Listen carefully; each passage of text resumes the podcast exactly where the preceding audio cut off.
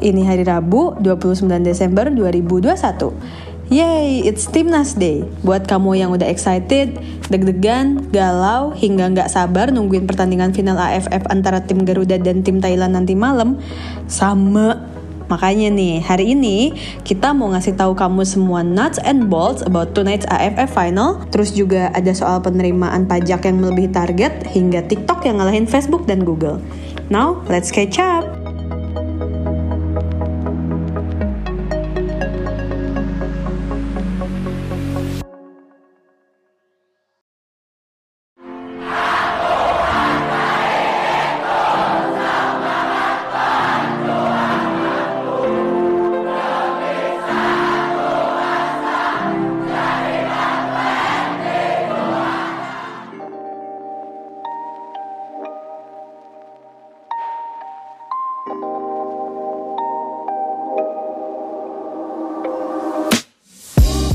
We are so excited and nervous at the same time. Karena nanti malam nih, Timnas Sepak Bola Indonesia bakal menghadapi partai final Piala AFF 2020 melawan Timnas Thailand.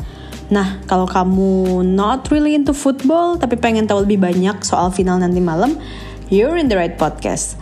Karena kita bakal ngasih tahu kamu berbagai informasi penting dan seru soal AFF so you can still joining the conversation with your coworkers today. Let's go! Jadi, pertama nih guys, kamu harus tahu bahwa meskipun namanya AFF 2020, namun turnamennya digelar pada tahun 2021. Finalnya juga bakal digelar dua kali, dan yang kedua akan berlangsung pada 2022 aka tahun depan. Yap, thanks to COVID, turnamen ini nggak berjalan sesuai jadwal.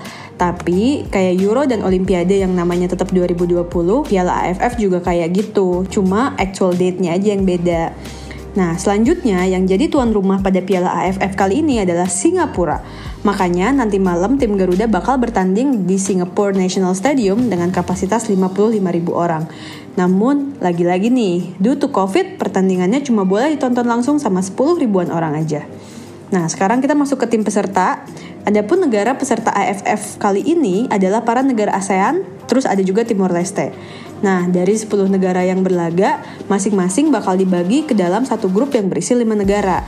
Dalam fase grup ini, satu negara harus bisa mengalahin tim lain biar mereka bisa lolos ke babak selanjutnya.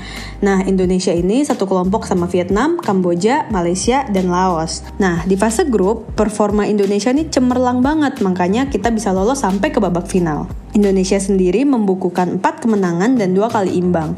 Tim Garuda kita belum terkalahkan sejak di penyisihan grup di mana kita menang lawan Kamboja 4-2, terus lawan Laos 5-1, terus juga lawan Malaysia 4-1. Selanjutnya pas ketemu Vietnam kita juga imbang 0-0. Kemenangan ini akhirnya membawa Indonesia ke semifinal melawan Singapura dengan dua leg di mana di leg pertama Indonesia imbang satu sama dan di leg kedua kita balas dengan kemenangan 4-2. Now we are in the final. Nah selanjutnya nama yang kamu nggak boleh lewatkan juga adalah sosok pelatih timnas Indonesia asal Korea Selatan Shin Tae-yong. Ya pemirsa, hari ini kita mendapatkan kesempatan emas, kesempatan spesial karena di sebelah saya sudah ada pelatih timnas Indonesia, Shin Taeyong. Apa kabar? Apa kabar? Oh, kabar baik. baik baik baik Baik. baik baik 그 뭔데? 아, 좋아요. 아 좋아요? 네. Ya. 아 바꾸 바꾸? 좋아요 Apa 좋아요. kabar? How are you? kabar가 이제 응. 어떻게 지내세요 하면 아 Bye bye. bye bye. Nah, itu tadi guys, Sinteyong yang resmi direkrut oleh Indonesia sejak Desember 2019 lalu. Setelah melalui berbagai seleksi dan pemusatan pelatihan, pada awal Desember tahun ini, Sinteyong akhirnya mengumumkan 30 orang pemain yang lolos masuk ke timnas Indonesia di Piala AFF 2020. Beberapa nama yang masuk adalah jagoan di klubnya sendiri kayak Asnawi Mangku Alam, ada Evan Dimas juga, terus ada Irfan Jaya dan Nadeo Arga Winata yang bakal jadi kiper. The sad news is, di final nanti, Pratama Arhan, yaitu back kiri andalan kita, harus absen gara-gara kena akumulasi kartu kuning di pertandingan lawan Singapura kemarin. Nah, Dikit lagi soal timnas nih, jadi tim Garuda yang totalnya ada 30 orang itu emang tergolong tim dengan anggota termuda di Piala AFF kali ini. Mereka adalah orang-orang yang sebelumnya berkarir di timnas junior dan pemain-pemain kunci yang usianya tuh masih banyak yang rata-rata masih di 23 tahunan guys. Shin Taeyong sendiri bilangnya nggak ada alasan khusus kenapa pemain-pemain muda aja nih yang turun di AFF. Tapi ya emang karena mereka bagus aja gitu mainnya, akhirnya sampai deh di final kayak sekarang. Nah selanjutnya soal lawannya, Indonesia bakal berhadapan dengan Thailand. Ini nggak main-main nih guys, secara Thailand secara sejarah emang sering banget menang piala AFF. Jadi makanya ini bakal jadi epic banget. So far, tim Gajah Putih asuhan Alexander Polking itu jadi tim dengan pertahanan terbaik. Secara mereka cuma kebobolan satu gol melawan Filipina, itu pun mereka masih menang 2-1. Lainnya waktu ngelawan Timur Leste, Myanmar, Singapura, abis pokoknya semuanya nggak dikasih gol deh sama Thailand ini. Even waktu semifinal melawan Vietnam yang sama-sama dua leg, Thailand juga masih sekuat itu dan gak ada satupun gol yang tercetak oleh Vietnam. Thailand menang di leg pertama dengan 2-0 dan imbang di leg kedua. Pelatih Thailand, Alexander Polking juga bilangnya pertandingan final nanti bakalan sengit. Doi terkesan banget sama tim kita yang masih muda, all out, dan di lapangan tenaganya kuat banget. Polking juga bilang walaupun pertandingan final nanti bakalan berat, tapi Doi tetap optimis bahwa Thailand bisa membawa pulang piala AFF. FYI, Indonesia sendiri udah lima kali masuk final tapi selalu ended up sebagai runner up. Indonesia versus Thailand ini juga bukan kali pertama doang, gengs.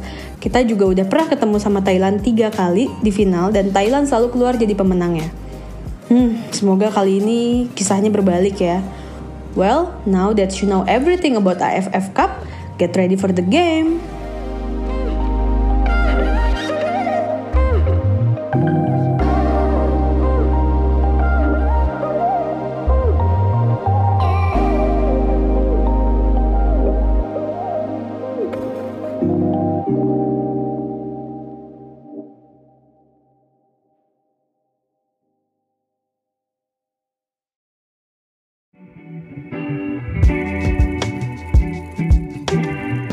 Now, let's talk about the less fun one, yaitu tax aka pajak. Nah, meskipun topiknya less fun, tapi beritanya bagus nih guys.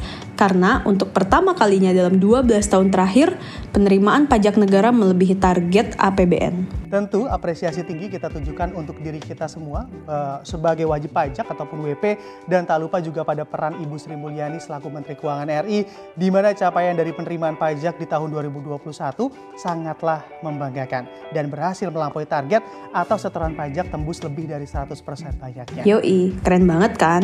Jadi hal ini disampaikan oleh Direktorat Jenderal Pajak atau DJP di Kemenko kemarin. Dalam keterangannya, dilaporkan bahwa sampai 26 Desember 2021, jumlah penerimaan pajak tanah air mencapai lebih dari 1 triliun atau tembus 100,19 persen dari target yang diamanatkan dalam APBN. Hal ini makin keren karena bisa tercapai di tengah-tengah pandemi di mana kayak kamu tahu ekonomi di banyak negara lagi struggling. Lebih jauh, dalam keterangannya, Bu Menko Sri Mulyani juga bilang bahwa tahun 2021 menjadi tahun yang bersejarah bagi institusinya karena di tengah pandemi COVID-19, penerimaan pajak negara bisa tembus sampai 100%. Kata Bu Ani, di saat pemulihan ekonomi masih berlangsung, DJP justru mampu mencapai target 100% itu bahkan sebelum tutup tahun. Untuk itu, Bu Ani juga mengucapkan terima kasih dan penghargaan atas kerja para jajarannya. At the same time, Dirjen Pajak Pak Suryo Utomo juga bilang bahwa capaian ini belum pernah terjadi dalam 12 tahun terakhir. Untuk itu, beliau juga berterima kasih nih sama kamu-kamu yang tetap patuh menjalani kewajiban meski saat pandemi. Selain kamu, Pak Suryo juga menyampaikan bahwa keberhasilan ini nggak lepas dari kerja keras 46 ribu pegawai pajak di seluruh tanah air. Menurutnya, ada 138 kantor pelayanan pajak yang berhasil mencapai target penerimaan pajak lebih dari 100%. Nah, meski pencapaian tahun ini bagus banget, namun secara pandemi masih lanjut, maka pemerintah tetap harus jaga-jaga nih guys, karena ketidakpastian risiko pandemi COVID masih membayangi. Selain itu, penerimaan negara juga dituntut semakin besar untuk dapat menutup defisit APBN yang ada. Karena itulah, DJP bakal tetap meningkatkan kinerja untuk menghadapi 2022. Finally, namanya juga udah mencapai target ya guys, maka kemungkinannya para petugas pajak di DJP bakal dapat bonus dari pemerintah. Jumlahnya juga nggak tanggung-tanggung, berkisar dari 5 jutaan sampai lebih dari 100 juta. FYI, sebenarnya aturan soal bonus ini udah berlaku sejak tahun 2015, tapi secara nggak pernah nyampe target, maka bonusnya juga nggak pernah cair. Tapi ya tahun ini sih bakal berbeda karena penerimaan pajaknya justru lebih dari target. Terkait hal ini, Direktur Penyuluhan, Pelayanan, dan Humas DJP Kemenko Neil Maldrin Nur bilang bahwa pihaknya belum bisa memastikan terkait bonusnya karena belum ada pengumuman secara resmi dari pemerintah.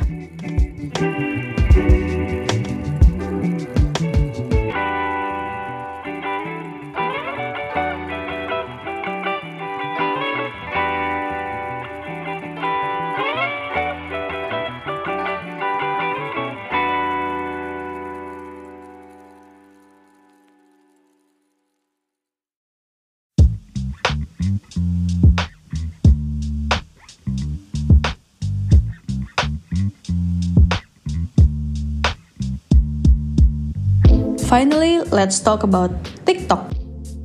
Jadi guys, ditemukan bahwa di tahun ini TikTok menjadi website yang paling banyak dikunjungi oleh user di internet. Yap, you read it right, paling banyak bahkan sampai ngalahin Google maupun Facebook. Jadi, dalam analisa atas traffic web yang dilakukan oleh perusahaan software yaitu Cloudflare, ditemukan bahwa TikTok menjadi platform sekaligus website yang paling banyak dikunjungi di tahun ini. Padahal sebelumnya, trafficnya TikTok nggak pernah lebih dari ranking 7. Namun tahun ini, posisinya berubah di mana TikTok justru bertengger di posisi pertama. Menurut keterangan dari analisnya Cloudflare, yaitu Joao Tommy dan Sofia Cardita. Sepanjang tahun ini emang TikTok telah berhasil naik secara perlahan. Jadi mulai dari bulan Februari lalu sampai terus terus terus terus naik hingga akhirnya di bulan Agustus mereka mencapai posisi pertama. Selain itu, growth-nya TikTok juga nggak bisa dipisahkan dari kondisi pandemi COVID-19 yang bikin sebagian besar masyarakat terjebak di rumah dan mencoba mencari sumber hiburan baru. FYI, setelah TikTok, 10 website lain yang paling banyak dikunjungi di tahun ini secara berturut-turut adalah Google, Facebook, Microsoft, Apple, Amazon, Netflix, YouTube, Twitter, dan WhatsApp.